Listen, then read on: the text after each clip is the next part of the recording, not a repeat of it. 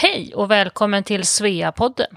Jag heter Maria Schacki och bor norr om Rom i Italien sedan snart två år. Och med mig har jag som vanligt Anna. Hej Anna! Hej Maria! Eh, Anna Bril här, sitter norr om Stockholm eh, sedan några år tillbaka. Innan dess bodde jag länge utomlands, bland annat i Moskva i tio år. Vi har en liten påminnelse till alla medlemmar i Svea. Till helgen är det sista chansen att rösta på årets svenska kvinna. Glöm inte att göra det. Och om du inte har fått mejlet med länken att rösta, hör av dig till din avdelningsordförande så fixar hon det. Men Anna, läser du poesi? Ja, na, ärlighetens namn ska jag väl säga att det gör jag väl inte varje dag direkt. Men jag tycker faktiskt att det är lite intressant. Eh, vi pratar ju om det med Birgitta här som är poet som vi ska lyssna till idag. Och det där med att eh, livet går så snabbt och det här med sociala medier, digitalt liv och så vidare. Så på något sätt så passar poesin in tycker jag i dagens samhälle. Så jag är lite nyfiken på det faktiskt. Ja, idag har vi då alltså träffat Birgitta Lindqvist, författare och poet. Och vi hade ett mycket intressant och långt samtal om livet och litteraturen. Vad tar du med dig från samtalet med Birgitta? Ja, för det första så tycker jag att Birgitta är en väldigt spännande person. Och eh, hennes senaste bok som kom ut förra året, eh, Resa över avgrunden, handlar ju om livet efter en svår skilsmässa. Och boken är väldigt underhållande. Hon skriver ju i, i en annan persons namn, Sofia, men det handlar ju mycket om hennes eget liv naturligtvis. Men jag tycker hon belyser ett viktigt ämne, det här med att bli lämnad som man inte hör så mycket om till vardags. Jag tycker också eh, det var väldigt intressant när vi pratade med henne om det här med kulturskillnader mellan Sverige och Frankrike där hon har bott väldigt, väldigt länge. Och till exempel det här med hur vi ser på äldre här hemma i Sverige. Jag tror det finns mycket vi kan bli bättre på där. Vi behöver se människor istället för att fixera vid en viss siffra. Ja, och jag tänker mycket på det här som Birgitta talade om med livet som medföljande. Hur viktigt det är att tänka efter så att man organiserar det på ett klokt sätt som kvinna. Men nu är ju Birgitta nykär, berättade hon för oss. Så härligt det låter och så glad man blir av hennes fnittrande glädje när hon berättar om det. Ja, och sen då eh, alla som gillar dikter här så har vi ju en nyhet. Birgitta har startat ett eget eh, Instagramkonto som heter Birgitta Lindqvist Poet. Alltså i allt, allt i ett ord, Birgitta Lindqvist Poet. Det är bara att gå in och följa där. Och där tänker hon lägga upp vackra små texter. Hon skriver ju väldigt mycket poesi. Men eh, avsnittet här med Birgitta det innehåller så många olika aspekter på livet. Eh, bland annat då livet utomlands för att eh, Birgitta har ju bott länge, länge i Frankrike. Och men också det handlar om litteratur och skrivande. Och Paris berättar hon om, sina smultronställen och varför Paris är så viktigt för henne. Hon har fortfarande ett boende kvar där.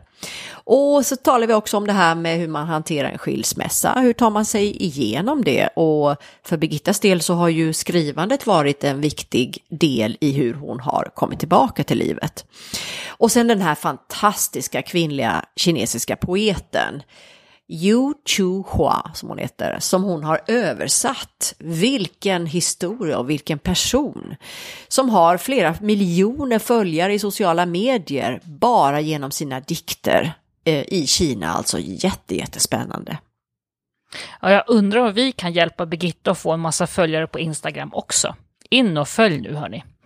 Eh, vi får i avsnittet höra Birgitta läsa en av sina egna dikter, men också en då av det som hon har översatt. Så nu tycker jag vi kör igång vårt avsnitt. Välkommen Birgitta!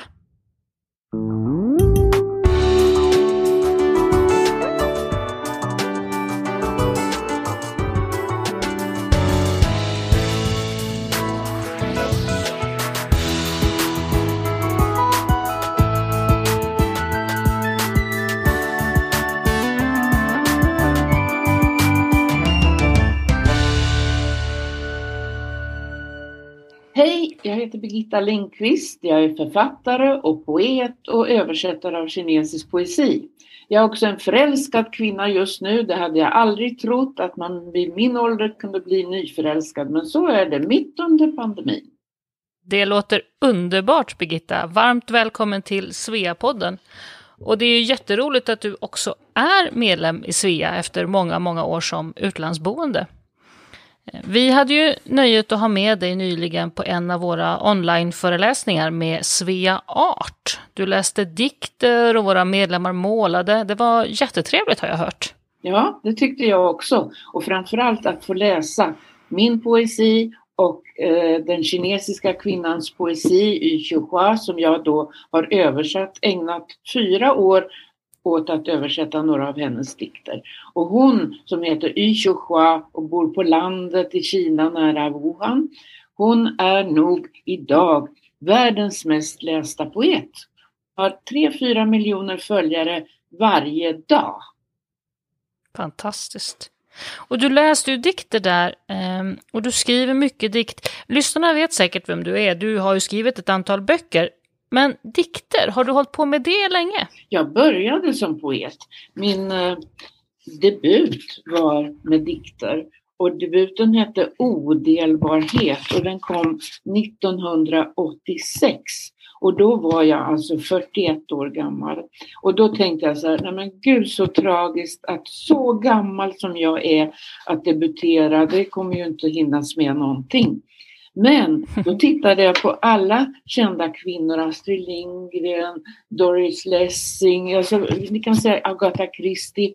Alla kvinnor brukar debutera efter 40 års ålder. Därför vi kvinnor, vi föder barn, vi tar hand om män, vi gör en massa annat, eller karriär eller vad det kan vara. Männen, de här stora genierna, de debuterar när de är 21. Men vi kvinnor, mm. vi kommer senare, men vi har större kvalitet. hur, hur går det till då när man skriver dikt? Hur, hur gör man? Och varför skriver du dikter? Alltså, om, vem var det som sa det? Astrid Lindgren sa så här. Om du måste skriva så skriv, annars kan du låta bli. Men om du måste, och jag måste skriva, det är känslorna som kräver ett, ett uttryck. Det, känslorna går ut genom armen och handen och kräver att det ska formuleras. Ofta har jag ju hela dikten i huvudet innan jag fattar pennan och skriver ner. Du, det var någonting jag tänkte fråga dig här eh, också. Vi kommer ju komma in på din bok, men det här med att är det helande? Är det med att, att skriva så att säga?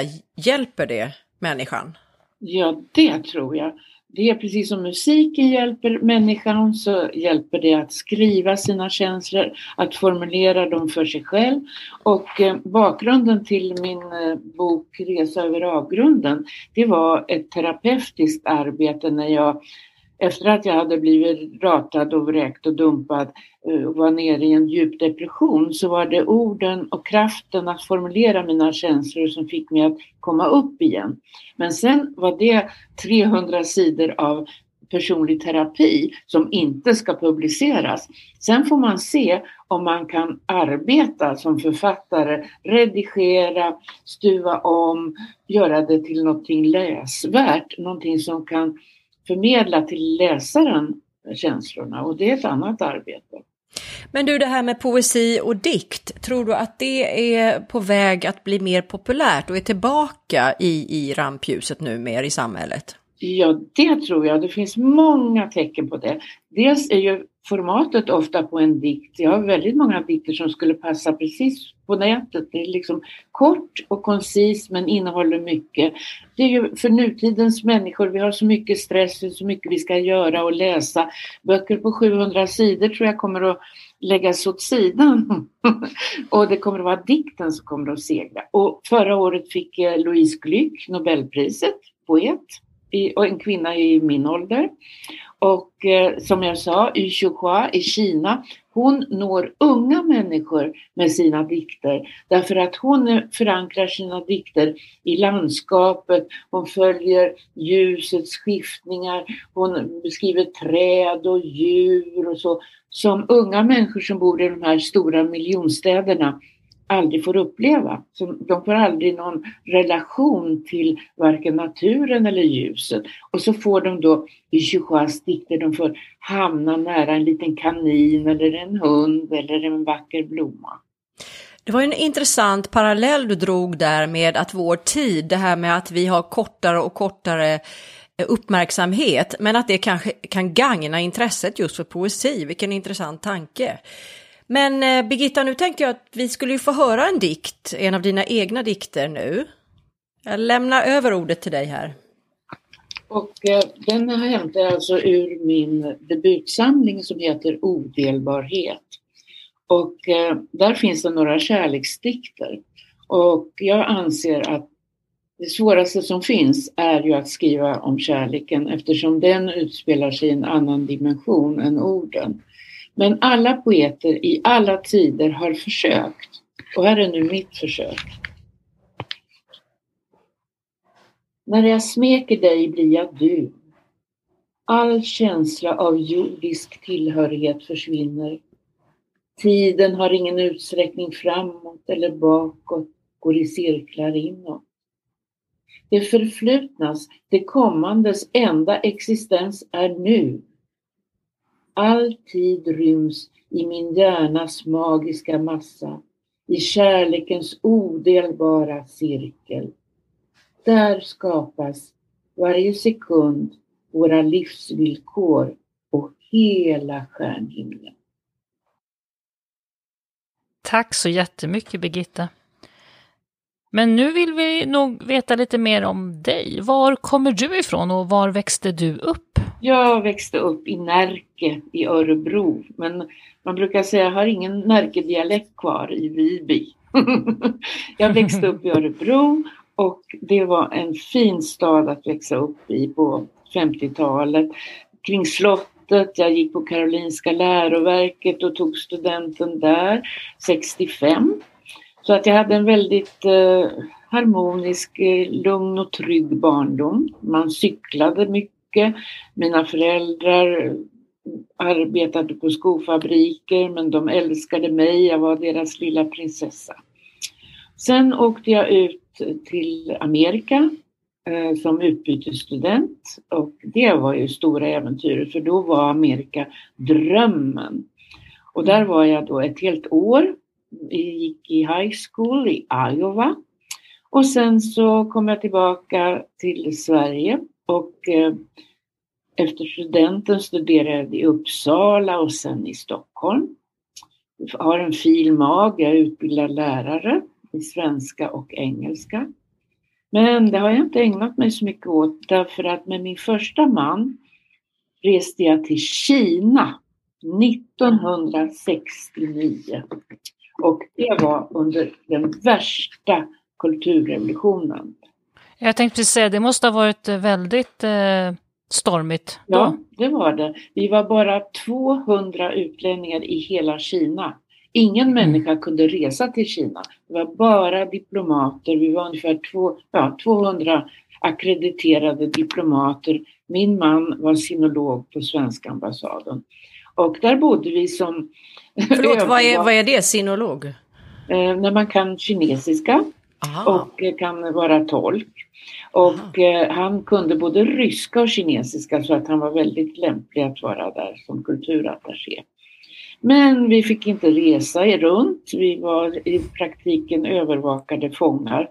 Och i landet rådde då under de här tio åren som är kulturrevolution 60, 60, 76 Mao var ju den som styrde. Det rådde kulturrevolution, det vill säga man slog sönder mm. allting gammalt. Det var missväxt, hungersnöd, inbördeskrig, olika fraktioner som tog livet av varandra. Officiellt dog det 10 miljoner människor under den här tiden. Men mm. vi, eh, jag har skrivit en roman om detta faktiskt. Som man kan hitta kanske på biblioteken fortfarande. Där ingen kan nås, heter den. Och eh, har Mao på omslaget. Och eh, eh där har jag skildrat allt som jag såg och hörde i Peking med omnejd. Och Sen har jag lagt in en handling för att göra det lite spännande. Svensk par, fransk par, eh, otrohet, eh, svartsjuka. Ja, du förstår. Det är en roman, men allt som skildrar miljön är dokumentärt. Ja, vad spännande. Hur kom du in på själva författarbanan då, från början? Ja, författarbanan kom jag in på när jag var fem år, kan jag berätta. Jaha. Ja. och det gjorde jag därför att eh, jag var ju enda barnet. Så jag var ute, i Örebro finns Svartån och där så satt jag i en eka med min pappa som rodde och min farbror som metade. Och jag satt där i fin klänning och halmhatt och ett par röda nya skor och hade fruktansvärt långtråkigt. Det nappade aldrig och det hände ingenting och där satt jag. Då tog jag av mig min ena nya röda sko och så lekte jag med den och så släppte jag den på vattnet så den for iväg åt andra hållet och försvann i vassen någonstans. Och då äntligen så fick jag uppmärksamhet och farbror Rune och pappa tittade på mig argt blicken så här och då så sa jag så här. Vilken tur att det inte var den andra skon. och då tänkte jag, med ord kan man justera verkligheten. Man kan få ett annat läge. För de skrattade naturligtvis båda två och brydde sig inte om att leta efter den där skon. Jag fick ett par nya sen. Men jag kände att orden hade makt. Och så var det en, en annan händelse också som gjorde mig till författare och det var när jag sjöng på fängelset i Örebro.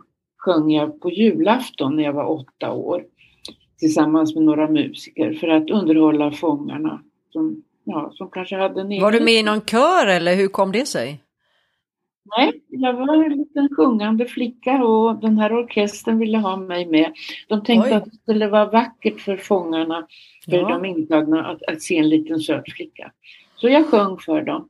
Och under tiden så gick det runt en svart hatt och så, det här var alltså på 50-talet, så klirrade pengar lades i den här hatten. Och då tänkte jag, men gud, det kanske är till mig. Och då kommer det upp någon och ska ge det till mig. Och så måste jag ta i hand och niga och tacka.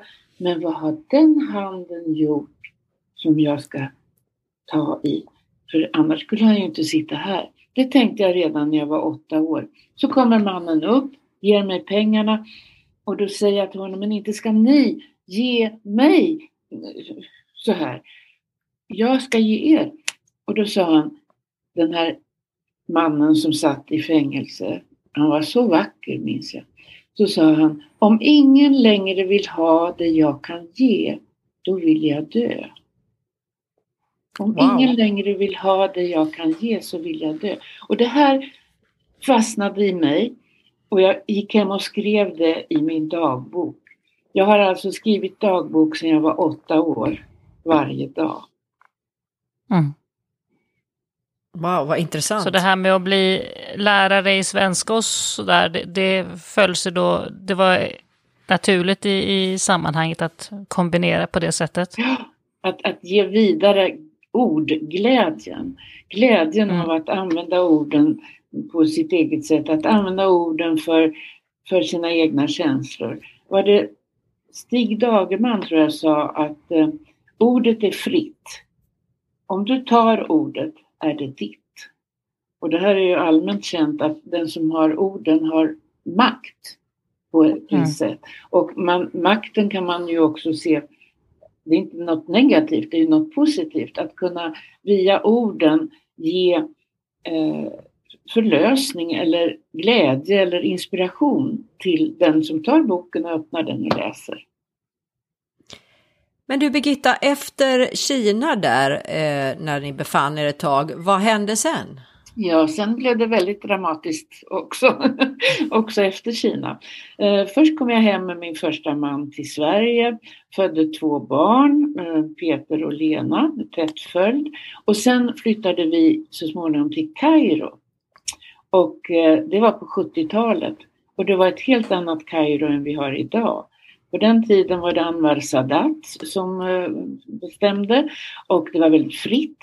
Jag såg inte en enda beslöjad kvinna. Det var korta kjolar, höga klackar, eh, otroliga frisyrer och makeup. Det var ett annat eh, Egypten på 70-talet. Och eh, där eh, blev det väldigt dramatiskt av olika skäl som jag inte kan ta upp här för det skulle leda för långt. Men jag ville skilja mig från min första man med två små barn. Och eh, sen träffade jag där eh, min andra man. Och, eh, I Kairo? Ja, i Kairo. Och eh, vi bestämde oss för att vi skulle tillbaka till Stockholm och eh, flytta ihop. Så jag tog mina två små barn, som bara var fyra och fem år, Peter och Lena, och flyttade till Stockholm ihop med min andra man. Mm. Och, det var då, och det var då Herman Lindqvist, det vet alla, så det är lika bra att säga det. Jag heter ju Birgitta ja. Lindqvist. ja, för tillsammans med, här, tillsammans med Herman sen så eh, kom du ut i världen igen? Ja, kom ut i världen igen. Inte som diplomat utan som journalist. Och med Herman flyttade jag först till eh, Tokyo. Jag bodde fyra år i Japan. Där födde jag en liten dotter som heter Elin Sachiko som eh, också är författare faktiskt. Hon bor nu i Frankrike. Och där bodde vi fyra år. Efter och där lärde jag mig japanska. Man måste ju, ska man leva som kvinna med barn i ett samhälle som Japan eller Kina så måste man lära sig språket för det finns ingen som pratar något annat än sitt språk. Så jag lärde mig japanska, vilket var lite lättare då eftersom jag redan kunde kinesiska och det är ju, kinesiska tecken finns i det japanska språket. Mm. Så det ägnade jag mig åt, plus att jag födde då lilla Elin, Elin Sachiko. Och efter Japan flyttade vi till Frankrike, bodde fem år i, utanför Paris och eh, Herman var korrespondent för Sveriges Radio. Eh, sen flyttade vi ett par år till Madrid men som ni alla vet som har besökt både Frankrike och Spanien att man kan inte flytta från Paris till Madrid. man längtar tillbaka, förlåt eh, Spanien, men man längtar tillbaka till Paris. Madrid var en mm. väldigt, väldigt eh, stel och tråkig stad. Barcelona är ju underbart men Madrid var inte roligt. Och eh, där bodde vi ett par år och sen tillbaka till Frankrike. Och dit kom vi 91 och sen dess har jag i princip bott i Frankrike. Dels i hus och dels in i Paris. Och berätta om det då. Eh, vad är det som är så magiskt med att bo i Paris? Oj. Paris, Paris har allt som jag önskar mig av livet kan man säga. Det är vackert, det är, är inspirerande, det är framförallt det viktigaste för mig, ett verbalt samhälle. Men man måste naturligtvis kunna franska, annars kan man ju gå och gömma sig. Men, kunde du det då när du kom dit redan? Nej, jag, lite grann kunde jag, men jag lärde mig snabbt och gick på föreläsningar på universitetet.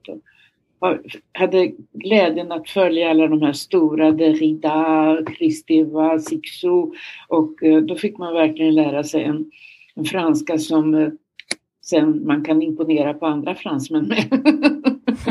För det är det det handlar om i Frankrike. Du måste kunna uttrycka dig. Och det här är, du kan ju diskutera, alltså före pandemin, nu i pandemin kan du inte göra någonting, men före pandemin så kan du prata om vad som helst, när som helst, med vem som helst. Det kan vara gatsoparen, det kan vara en liten flicka på väg till skolan, det kan vara någon i, i, i köttaffären hos bagaren. Var som helst kan du diskutera vad du vill. De, de svarar på vad du tar upp så att säga. Och det är så inspirerande, särskilt för mig då som älskar orden.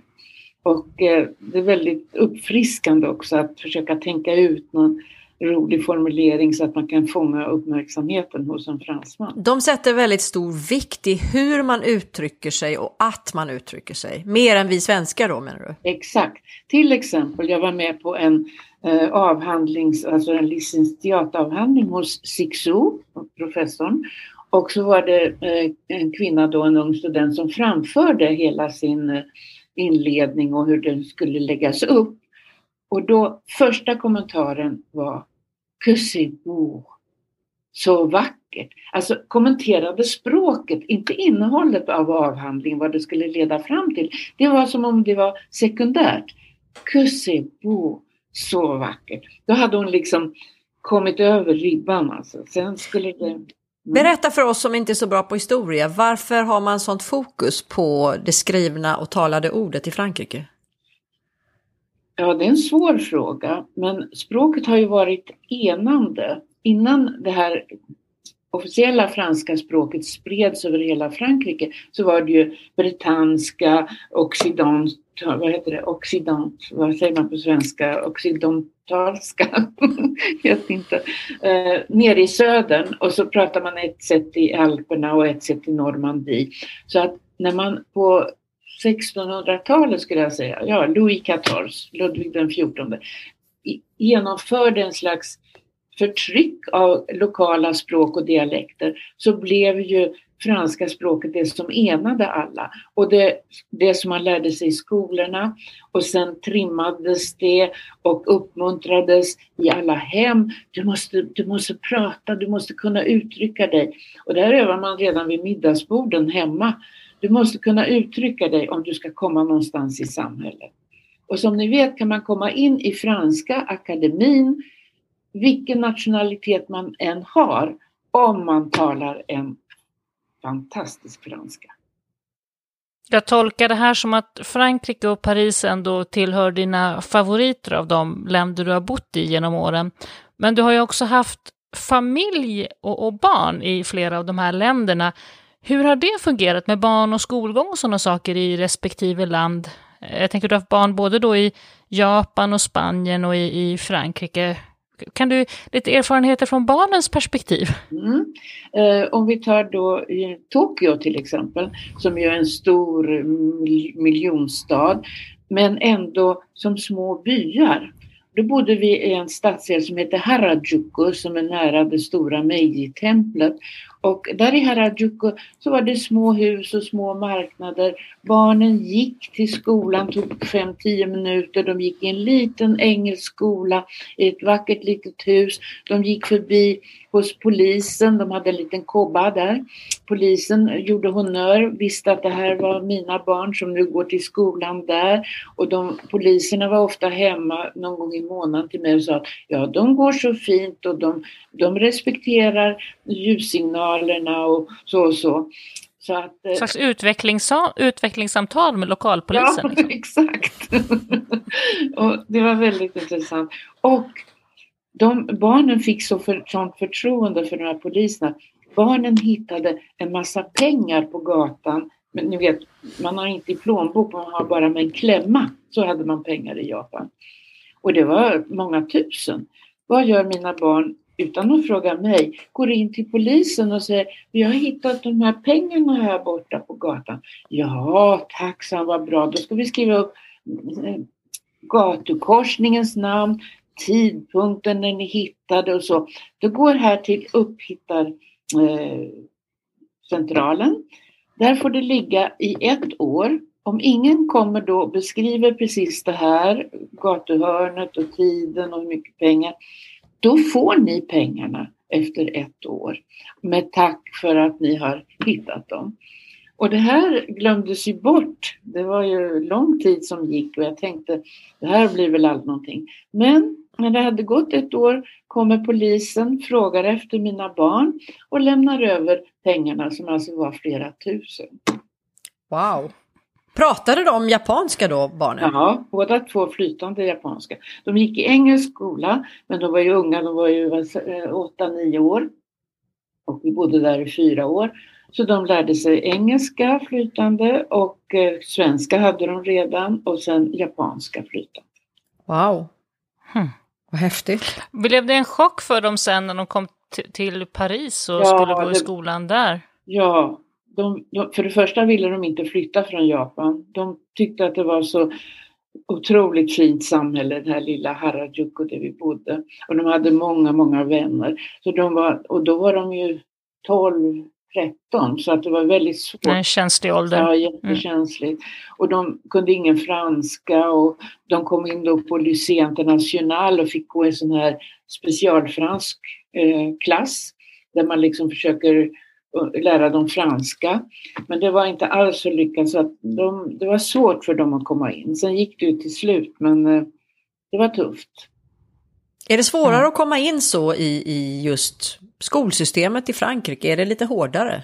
Ja, och sen ville jag ville ha dem i Lycée International som är en, en skola som ligger utanför Paris där man har en svensk sektion. Så att Mm. Eh, eh, man har tio olika sektioner. Varje barn som går i denna skola som är helt fransk, statlig och eh, gratis och franskspråkig men har också varje dag undervisning i sitt hemspråk, det vill säga svenska för mina barn och så kan det vara engelska, tyska, holländska. Det är alltså otroligt bra skola men det kräver att man vill plugga. Och det är en stor skola och det var många nya tuffa saker eh, i umgänget där som de inte hade varit med om med eh, att röka på och olika saker. Det var inte Oj. så bra. Det var kanske enklare för lilltjejen då som började skola direkt så att säga i, i Frankrike? Ja, det var det. Så att, och Elin som då var den minsta, hon var då bara två år när vi kom till Frankrike. För mm. henne var det lättare. För att hon, i och med att hon fick eh, blev torr i stjärten som man sa. alltså man fick börja förskolan när man inte behövde blöjor längre. Det var det som var mm. gränsen. Och då började hon i förskola på franska och för henne när man är två år och tre år så lär man sig ju. Ja, så direkt. Elin, hon är då eh, trespråkig, svenska, eh, engelska, franska.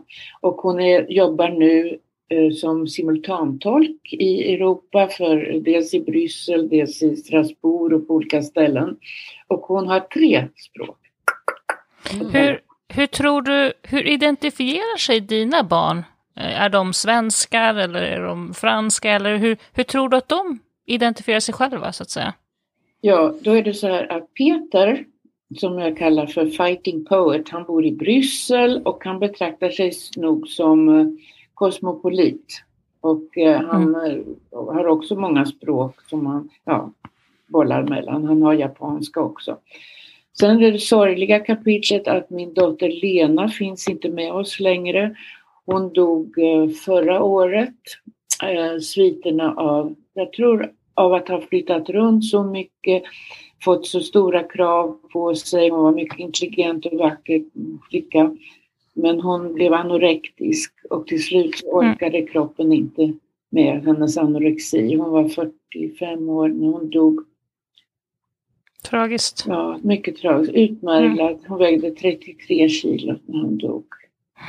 Mm. Så det var sorgligt.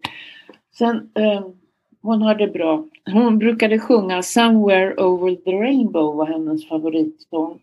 Och nu finns hon där någonstans över mm. Min dotter Elin då som föddes i Japan, Elin Carolina Sachiko, hon är då författare och simultantolk och hon har kunnat hon har väl fått en annan styrka, en annan personlighet. Hon har kunnat använda och ta till sig den här rikedomen av många språk. Och det är hennes arbete. Mm. Så uppfattar hon sig också lite grann som storbror Peter där, som någon slags kosmopolit? Absolut, absolut. Mm. Ja, mm. Jag kan bo var som helst i världen, säger hon. Mm. Du, eh, vi, ibland eh, diskuterar vi ju det här med att vara medföljande när man drar ut i världen med sin make, ofta då som sin man som får ett jobb någonstans och så hänger kvinnorna med. Så har det ju varit väldigt mycket, det kanske håller på att ändra sig lite men det är fortfarande väldigt mycket så. Eh, vad tänker du runt det? Hur, hur liksom gör man det till något bra för sig själv som kvinna om man hänger med sin man ut i världen? Ja, det här är ett, ett, svårt kapitel för att nu ser jag ju tillbaka hur det blev så att säga.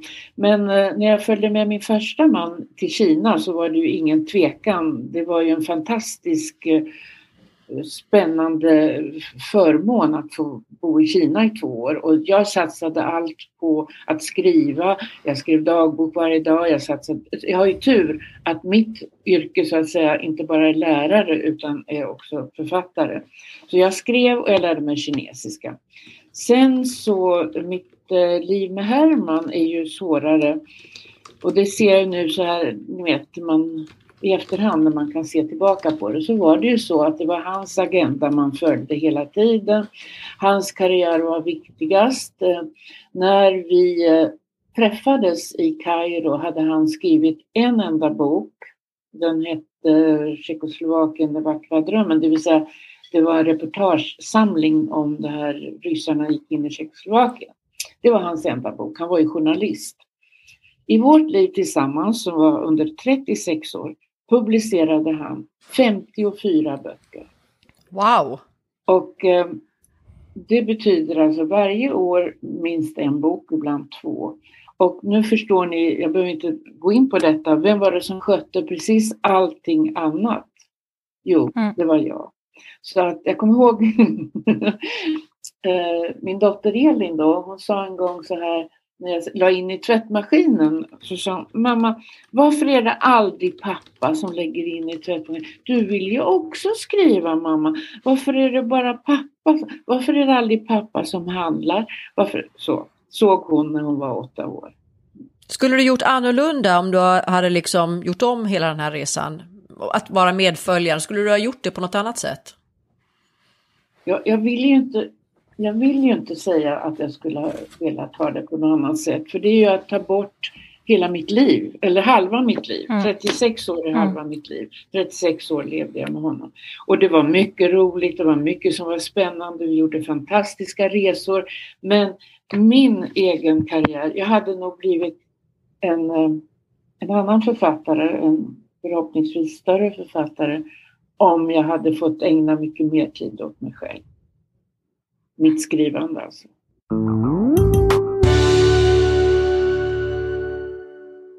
Visste du att Svea är den största ideella Sverigefrämmande organisationen utanför Sverige? Våra värdeord är världsvid vänskap, global kompetens och lokalt stöd. Och eh, vi vill vara det självklara nätverket för svensktalande kvinnor utomlands. Och vårt syfte är att främja svensk kultur, svenska traditioner och såklart det svenska språket i världen. Ja, välkommen att bli medlem i Svea och eh, du hittar all info om hur man gör på vår webbplats svea.org.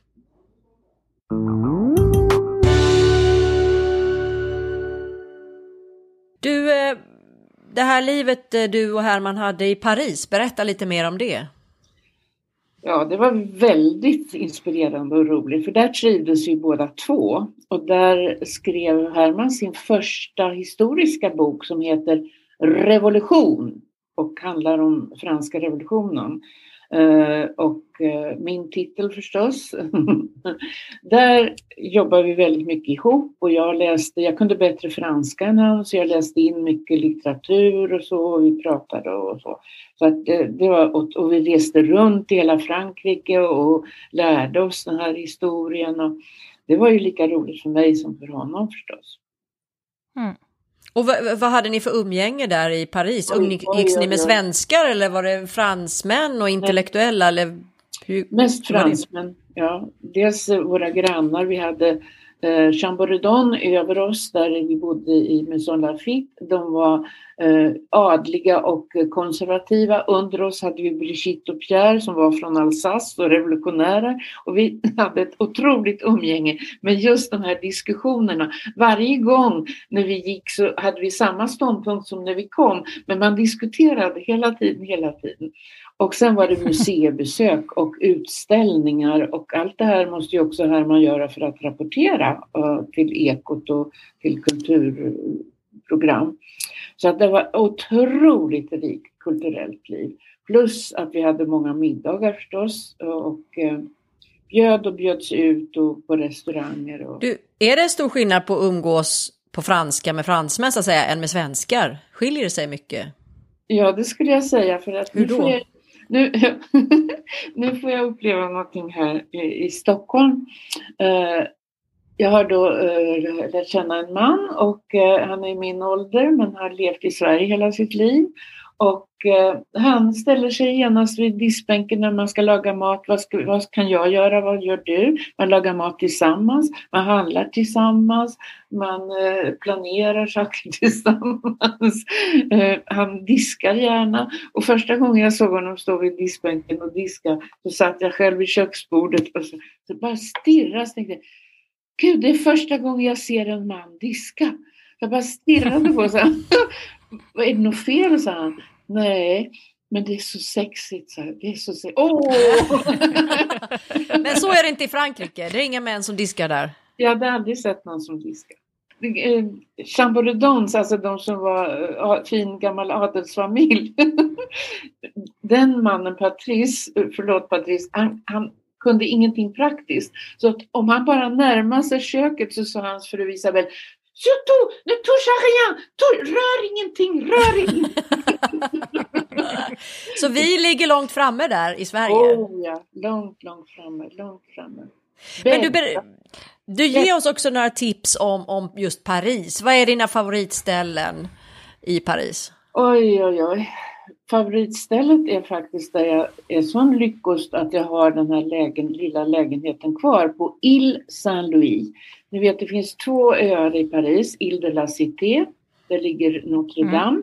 och så en liten gångbro över till Ile Saint-Louis och där bor jag på toppen av Ile Saint-Louis i ett hus som byggdes 1643 och eh, med bjälkar i taket och utsikt över Seine. Och där satt jag faktiskt i min soffa och såg när Notre Dame brann. Det var fruktansvärt, många år sedan? Två, tre år sedan. Ja. Jag, mm. jag trodde att det var världens ände. Jag var ensam Såklart. och såg bara hur rökmolnen steg och eldsflammorna och tornet ramlade. Äh, jag trodde att det var slut, det var apokalypsen. Det var nog fler som trodde så. Ja, så var det. Men Eh, Paris, Paris, Paris. Oj, vad jag längtar. Oj, oj, oj. Men var ska vi gå när vi kommer till Paris? Som är dina hemligheter och dina ja, favoritställen? Gå, ja, ni ska gå till Ile Saint-Louis för det är så fantastisk ö och den promenerar man runt och sen kan man gå över till högra stranden, då kommer man till Le Marais, Marais-kvarteren som har blivit jättefina nu. Det finns små boutiquer, små kaféer, museer på Place Bastille Eh, ska man sitta på ett café och titta på folk, där ligger ju operan också. Sen går ni tillbaka till Saint Louis och äter en liten crepe. Eller det finns många små, väldigt prisvärda små restauranger med rutiga dukar just på Ile Saint Louis. Och så går man över på eftermiddagen till vänstra stranden och då kommer man till Place Saint-Michel där man kan ta en kaffe. Sen ska man gå till Musée de Cluny som är ett eh, medeltidsmuseum. Men där ska man se de här gobelängerna, damen med enhörningen, som är något helt fantastiskt. Eh, våra fem sinnen. Och sen ska man gå upp till Luxemburgträdgården. Allt det här är gångavstånd. Man kan mm. planera, man har Ile Saint-Louis som centrum och så går man till höger eller till vänster och gör olika utflykter. Tyvärr är hotellen på Ile Saint-Louis eh, dyra. Jag vet inte hur det blir nu med pandemin och så. Men eh, på vänstra stranden finns det billiga hotell också. Det också finns det någon bra. av dina böcker som handlar om ditt Paris? Nej, men vilken bra idé! Ja, eller hur? Ja, det kanske är näst, det är kanske ett bra uppslag. Ja. Det var sen i Paris då också som du kom att eh, bli med i Svea, eller hur? Ja, det var där. Vad har, du, vad har du för upplevelse av Svea? Vad har den organisationen gett dig? Den har gett mig så mycket, otroligt mycket. Jag är så tacksam för Sveorna. Och eh, det började ju med att jag framträdde för Sveorna i Paris.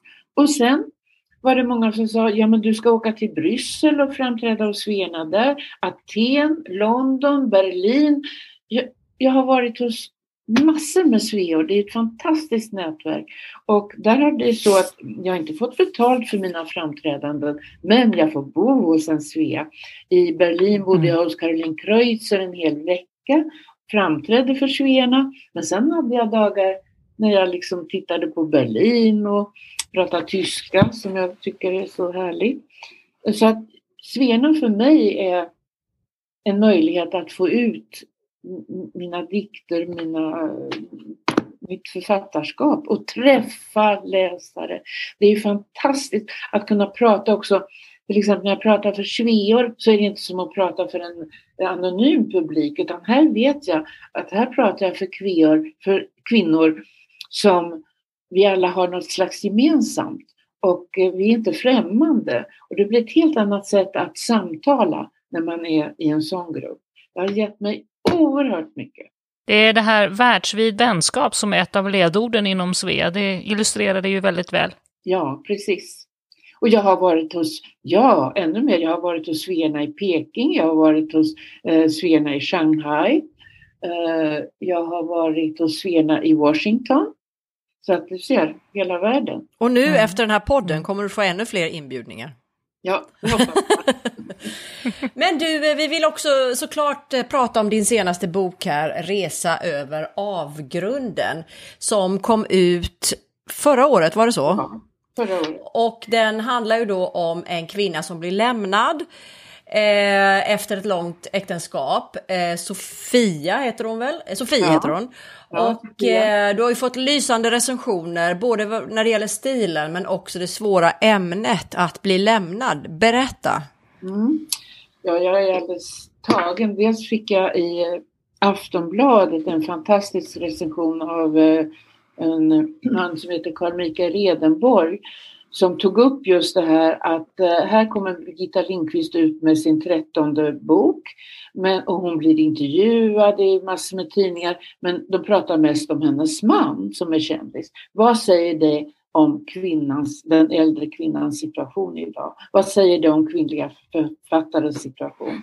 Så att eh, han recenserade då boken för, i sin egen rätt så att säga. Och där han just eh, tog upp det här med att det är så ovanligt i svensk litteratur att det är en äldre kvinna som talar och som berättar sin erfarenhet och det behövs så många sådana böcker. Sen fick jag en stor, tre sidor var det väl i Svenska Dagbladet, eh, Karin Johannesson som är en skicklig journalist som intervjuade mig om eh, hur kvinnan drabbas på det här sättet. Och hur ovanligt ja. Mm. Du beskriver ju i den här boken den här processen att både sörja och sen resa sig och forma sitt eget liv efter att ha blivit lämnad efter ett långt äktenskap. Kan du berätta lite grann om den resan för din del? Ja, den, när, vi kan prata att det i Sofias namn. Sofia fick mm. uppleva att eh, hennes man bara lämnade henne som en blixt från en klar himmel. För, inte att det hade varit lång och utdragen söndring som man brukar tala om, utan att poff! Jag har hittat en yngre, vackrare, sexigare, hej då, efter 36 mm. år. Det har Sofia varit med om och det har jag varit med om. Och då går man ner i ett djupt, djupt mörker. Eh, man tycker att man är värdelös man är ju ratad och bort. det måste ju vara så att man är, är, helt oduglig, att man är ful och äcklig. Man får ett slags självhat. Och det här tror jag är typiskt kvinnligt, att man tror att det är något fel på mig själv när det egentligen är fel på mannen. Förstår ni? Det blir eh, vi kvinnor har väldigt eh, lätt för att ta, ta det inåt, ingen aggressivitet utom, utan vi gömmer oss inåt. Så från att inte vilja leva alls till att steg för steg ta sig upp. Och då var det så för Sofia och det var så för mig också, att det var dikten som räddade mig. Jag fick kontakt med Ishuas dikter och jag förstod att jag kunde läsa dem. Jag visste att jag kunde översätta dem och jag fick en uppgift. Jag, fick någonting som jag kunde ge. Trots att jag var ratad och gammal och ful. Så att jag satte igång och översätta de här dikterna och det fick mig på banan. Och Precis som den där fången som du träffade när du var liten. Exakt, exakt. Om ingen vill ha det jag kan ge vill jag dö, men nu var det någon som ville ha det jag kunde ge. Precis. Och sen var det också en grannfru, Maria, en portugisiska, som när jag mådde som sämst kom in. Hon hade nycklar. Varje morgon gjorde hon frukost, ställde fram den framför mig, satte armarna i kors och tittade stint på mig och så sa hon Mange, ät! Så att hon såg till att jag åt, men jag, det hjälpte ju inte. Jag tappade vikt i alla fall. Jag tappade nästan hälften av min vikt. Men petit à petit, som fransmännen säger, med skrivandet, jag började också skriva egna dikter, jag började också skriva på den här romanen. Och sen, precis som Sofia upptäcker i den här boken, kärleken finns ju inte bara i den äktenskapet utan kärleken finns ju i olika möten med olika människor. Den ser ut på olika sätt. Den finns hos barnen, den finns hos djuren. Det finns, och om man bara öppnar sig och tror att man är värd att ta emot det här, så helt plötsligt så blir man hel igen. Men det är väl någonting som tar tid också? Man kan inte göra det direkt. Nej, och det sa, jag gick lite i terapi också där när det var som värst och då så, sa Barbro, som hon hette, jag är ledsen Birgitta men det här kommer inte gå över till i övermorgon. Sju år får du räkna med. Mm. Och sju år tog det innan, alltså. Det är som i Bibeln, sju svåra år. Ja, sju svåra, exakt. Och sju år när den här publicerades, min roman. Och då var det som ett avslut. Då ligger ju all smärtan i boken. Nu kan jag göra vad jag vill. Jag kan dela den med andra. Jag kan lägga undan den. Jag kan titta på den på avstånd. Okej, okay, där ligger smärtan. Där finns den. Och nu är jag en annan och jag är en... Men den här mannen som jag träffade för nio månader sedan. Han frågade så här. Eh, om vi hade träffats för tre år sedan Birgitta? Nej, då hade du inte träffat någon Birgitta. Jag, du var tvungen att gå sju år. Hon hade rätt Barbro. Sju år så är man hel igen. Såren finns där, mm. ärren finns där, men ingenting är öppet längre. Du, om jag läser här, i den fina lägenheten i Paris bränner Sofia exet Bengts skräddarsydda kostymer i öppna spisen. Vad säger du om det? Är det, är liksom allting i boken självupplevt? Ja. Eller har du, hittat, har du kryddat lite? du skrev, det stod också att du, hon ja. köpte ett vapen. Så arg var hon. Men det här med kostym, att bränna kostymer, det är bara ett fel i den där artikeln. Det var inte i Paris utan jag brände kostymer i huset i Chambourcy som jag sen sålde. Mm. Men där var det en större, en större öppen spis. Fyller det en funktion det där med att man blir så arg? Det kanske fyller någon form av renande funktion, eller vad säger du? Ja, absolut, absolut. Dessutom, jag menar, det, det förstod jag inte när jag gjorde det. Det är ju klassiskt. Du bränner, det blir aska. Ur askan stiger fågel Fenix. Någonting nytt kan komma ur askan. Och det är bara om man vågar bränna det handlar om att bränna sorgen, bränna smärtan. Det måste liksom bli till aska och sen kan något nytt komma ut ur det. Det blir renande. Åh, vad det var underbart. finns det, finns det några nå lärdomar för kvinnor som du vill förmedla efter det här som du har gått igenom? Ja, jag vill att de ska läsa min bok eh, långsamt och eh, känna efter hur, hur, hur mycket djupt går det här i mig som hon berättar här, Sofia. Och sen få tips genom Sofias erfarenheter och upplevelser att vara öppen. Man måste våga. Man måste våga tilltala någon.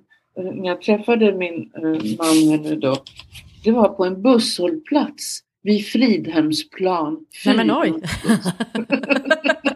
Ingen nätdejting. Ni började bara prata där vid busshållplatsen? Ja, jag steg av fyrans buss för jag skulle gå och fixa ett nytt pass. Och då visste jag inte var det låg. Så jag frågade den här mannen efter vägen till eh, polisen, passpolisen. Och då så sa han bara, jag kan följa dig. Och det är så vackert så att nästa bok får heta Mötet. Ja, nej vad underbart. Ja, jag frågade efter vägen och han sa jag kan följa dig.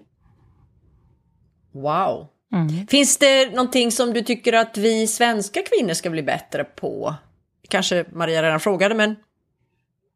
Alltså nu är det väldigt skillnad här. Alltså en svensk kvinna som är gift med eh, en man, till exempel fransman, engelsman, då blir det andra direktiv som jag skulle ge.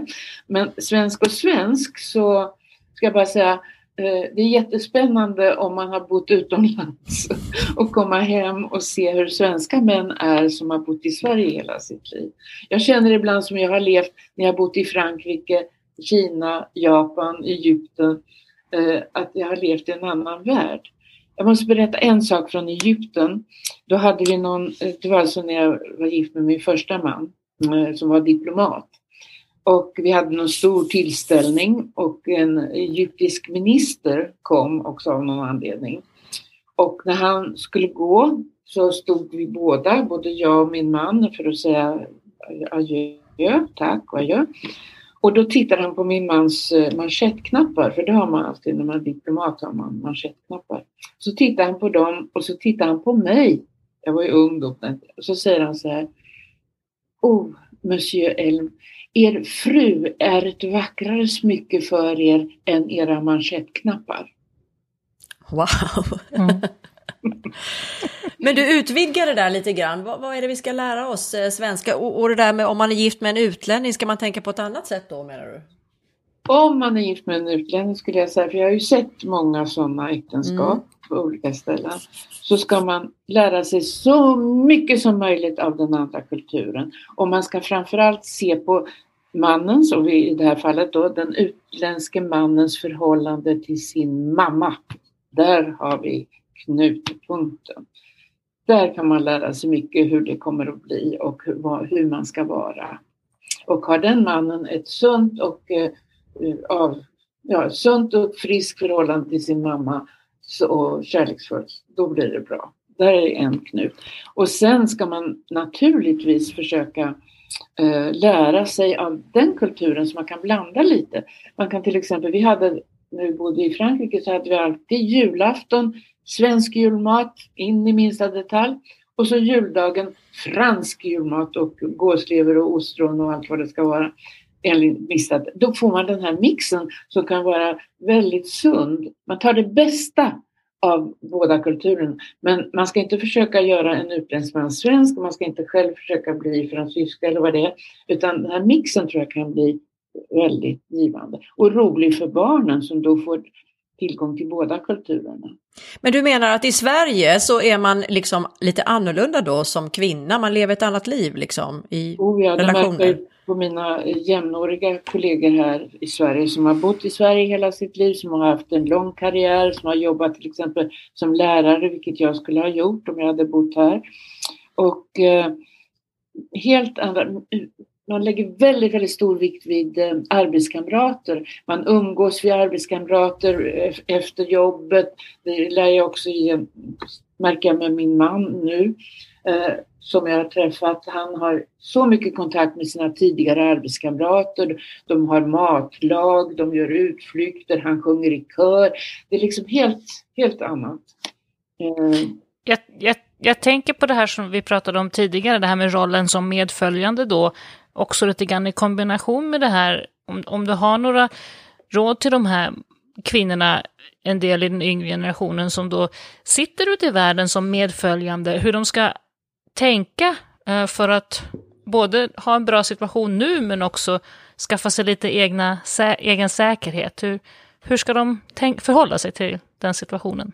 Ja, det här är viktigt. Det är jätteviktigt att du tar upp därför att jag har ju jobbat då för min man hela tiden men inte fått någon lön för det och jag har inte fått några pensionspoäng. Så när jag kommer hem till mm. Sverige nu så märker jag det att jag ligger på en sån här eh, minimum 4-5 tusen i månaden som inte skulle gå att leva på.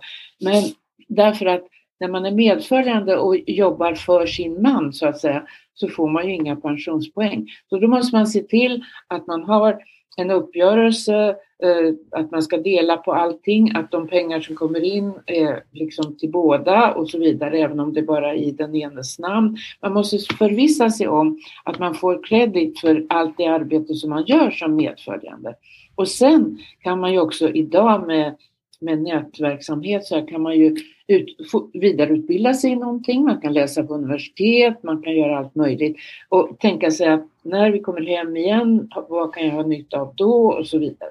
Och sen är det ju väldigt beroende på vilken plats, vilket land man bor. Om man bor i Afrikas djungel eller någon annanstans, det är väldigt stor skillnad. Men man ska använda sig av och utnyttja det här man kan göra via nät i våra dagar. Man kan doktorera. Tänk, tänka efter lite grann. Hur är det att flytta hem till Sverige? Är det svårt eller är det lätt? Och vad är svårigheterna med att flytta hem? Ja, nu har jag ju egentligen tvingats hem på grund av pandemin. Jag kom ju eh, hem den 8 mars förra året för att eh, saluföra min bok. Det var ju då release av min bok. Sen fick jag ställa in alla framträdanden eftersom pandemin var som värst. Men nu har jag då bott här sedan, sedan mars för det blir snart ett år. Och jag mm. skulle säga så här, jag har inga barn här, jag har inga föräldrar här, jag har några vänner men de flesta vågar inte träffas. Om jag inte hade träffat den här mannen på busshållplatsen då hade det nog varit jättesvårt. Det är väldigt speciellt nu med pandemin, så det går inte att prata generellt längre. Men tycker du att Sverige har ändrats mycket sedan du bodde här senast? Oh ja! Hur då? Oj, oj, oj. och ta det mest påtagliga det är när man får dörren i ansiktet. Liksom, det finns ju ingenting det här att, att en män skulle öppna dörren och du får gå före och de går efter. Jag känner som jag har levt annat århundrade. Jag har fått de, de tränger sig liksom före. Jag är liksom bara en, jag är inte kvinna och till man utan man ska bara fram så fort som möjligt. Och sen att man inte nickar och hälsar på grannar. Eh, de kanske inte känner igen mig än, men jag hälsar på alla. Men eh, i Frankrike gör man ju det. Till är det att vi är mer reserverade kanske, svenskar? Ja, så är det. Så är det som jag sa, återkommer till det, Frankrike är en verbal kultur. Till exempel om jag sitter på metron eh, och så har jag en mamma med ett litet barn, en flicka fyra fem år. Då säger jag till flickan kanske, åh vilken fin kappa du har eller vad söt du är. Så, så. Och om inte flickan omedelbart säger merci madame, merci beaucoup, så, så säger mamman genast till, vad, vad säger man till damen? Så. Man uppfostras i, det är faktiskt någonting som jag märkt under 30 år, så det är ingenting som jag hittar på. Man uppfostrar sina barn att vara verbala, att svara mot främlingar eh, om det är artigt och så vidare och, och tacka och så. Är vi, är vi mindre artiga i Sverige än i Frankrike? Ja, definitivt. Och jag tror att det är en det är inte med vilja så att säga, men det har kommit med den här jämställdheten som ju är fantastisk. Alltså jag uppskattar det så, den här jämställdheten, om man lagar mat tillsammans och handlar tillsammans. Men det kanske har den baksidan, slanten har en framsida, en baksida. Baksidan kanske är att männen inte vågar hålla upp dörren eller vågar erbjuda sig bära väskan. För det kanske skulle störa den här jäm... Du, vad är det mer du saknar från eh, Paris och Frankrike? Eh, spontanitet. Spontanitet. Alltså spänningen. Eh, löjligt exempel. Bara något år sedan så satt jag på ett café eh, mitt emot La Coupole. La Coupole, favoritrestaurang. Oh, La Coupole. Och så finns det ett café mitt emot som heter Select där alla filosofer sagt innan de gick på La Coupole. Och så satt jag där och och läste någon tidning och så satt en äldre man längre bort och jag nickade väl för han läste samma tidning eller sådär. Så drack jag kaffe och så tog jag en aperitif och sen småningom skulle jag gå över till Kopol. Och då när jag gick så säger kyparen, för jag ska betala, Så säger kyparen redan betalt. Jaha, sa jag. Ja, det var den här mannen som satt där borta och läste Le Monde. Han betalade för er innan han gick. Och han var inte ens kvar. Mm. Wow! Och jag är en gammal, och jag är en gammal, här är det viktigt, och jag är en gammal kvinna. Jag betraktar mig som en gammal kvinna, vilket jag är. Men jag kan fortfarande liksom, det här skillnaden mellan könen, han ville då artigt bjuda mig av någon anledning. Han tyckte väl det var kul att göra det.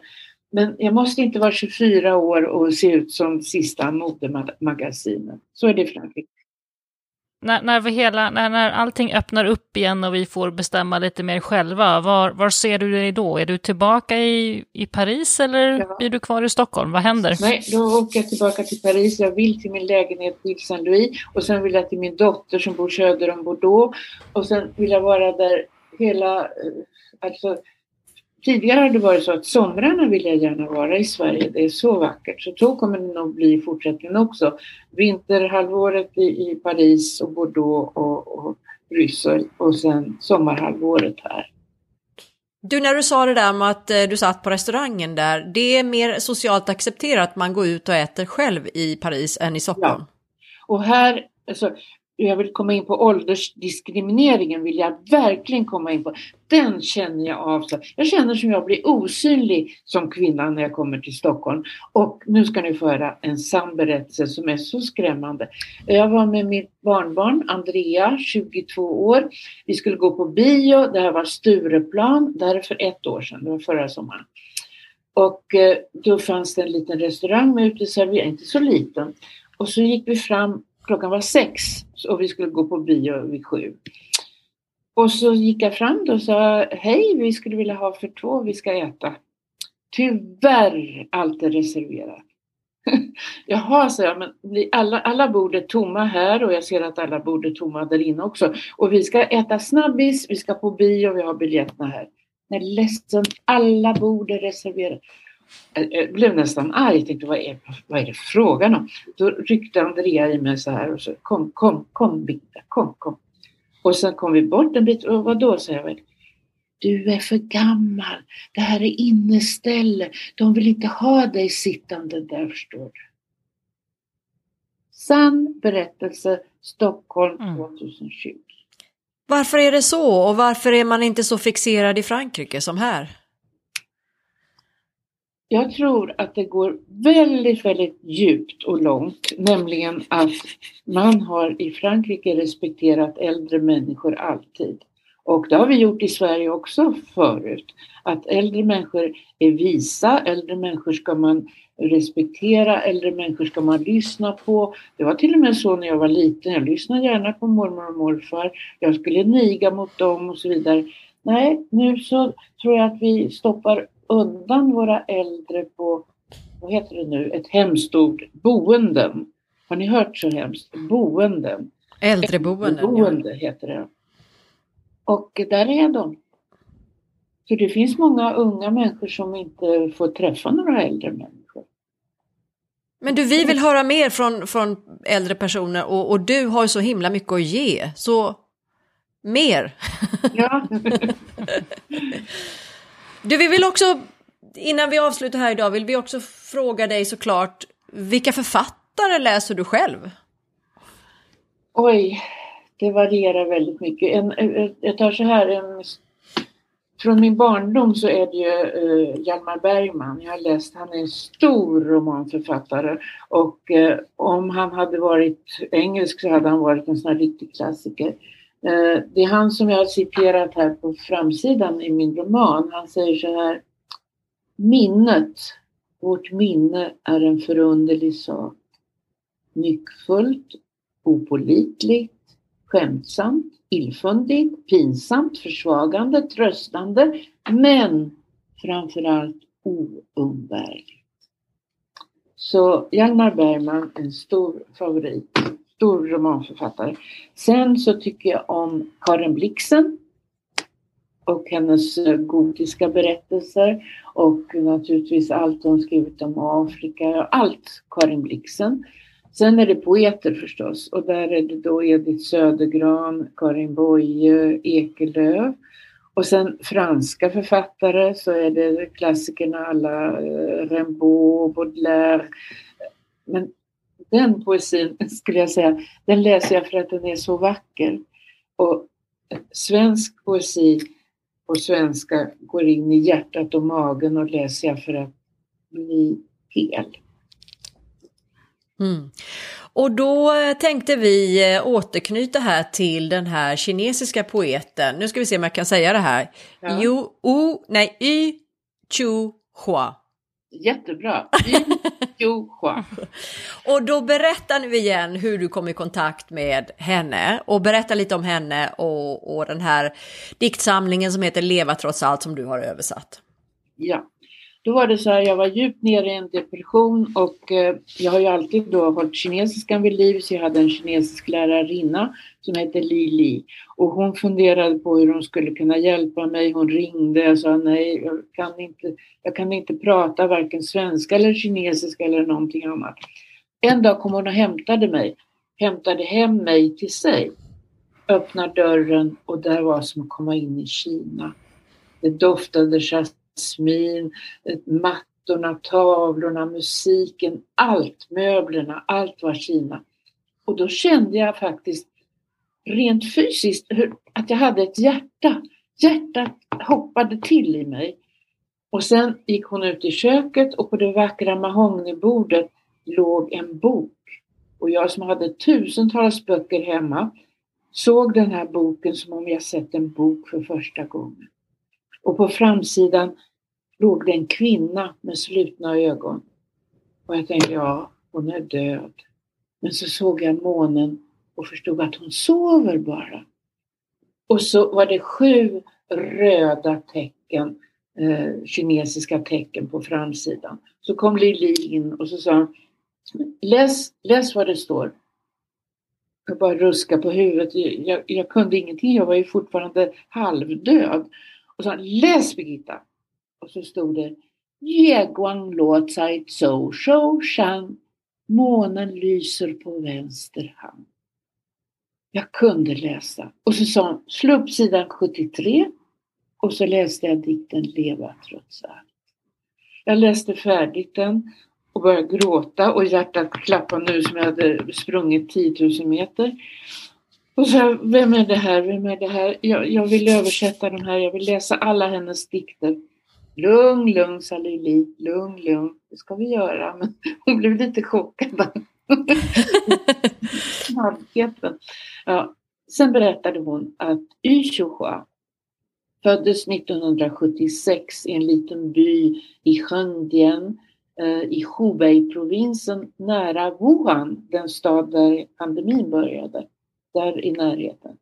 Hon föddes och eh, fick vid födseln eh, syrebrist så hon fick en lättare CP-skada, det vill säga hennes ansiktsmuskler kunde hon inte ordna på, inte händerna och fötterna och någonting.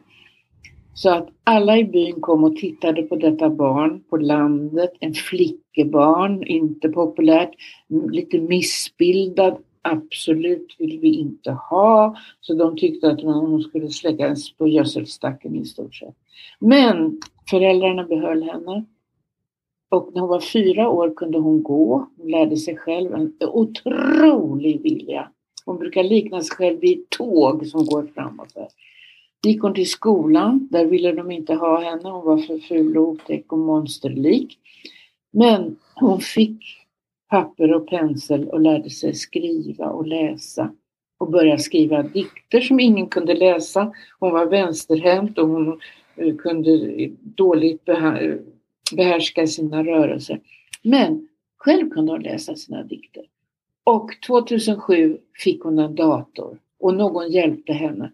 Och hon började knacka ner sina dikter.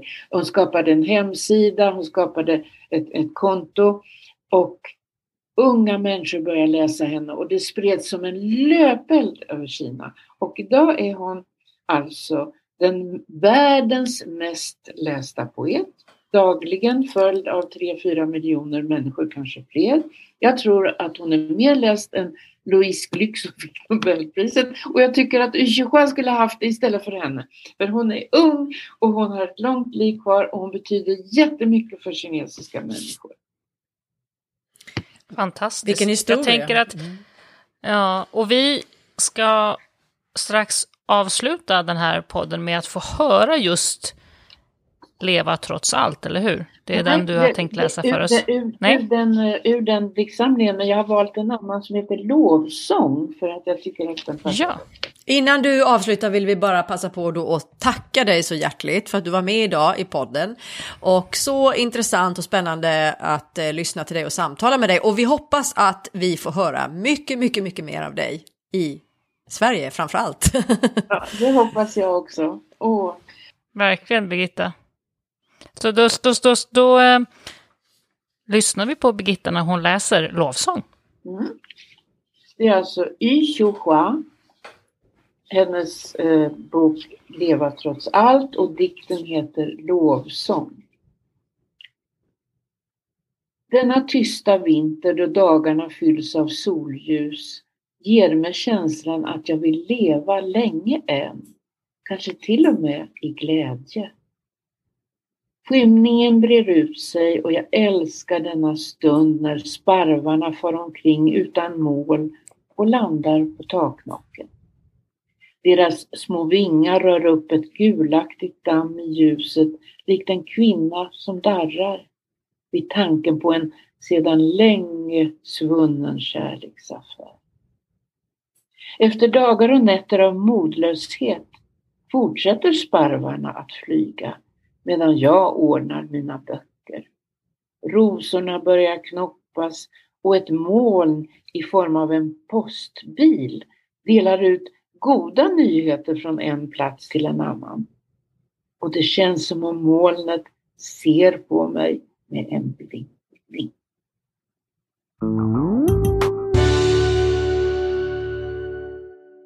Tack för att du har lyssnat. Den här podden är inspelad och producerad för Svea International av Anna Brill och Maria Schacki. Musiken är skriven för Svea av Fredrik Åkerblom. Svea-podden finns nu på de allra flesta ställen där du hittar poddar. Eh, Apple Podcasts, Google Podcasts, Spotify, Acast och alla de här. Om du saknar något ställe, skicka ett mejl till oss på sveapodden gmail.com. Mer information om Svea hittar du på vår webbplats svea.org och i sociala medier där vi finns på Facebook, Instagram och LinkedIn och där hittar du oss som Svea International.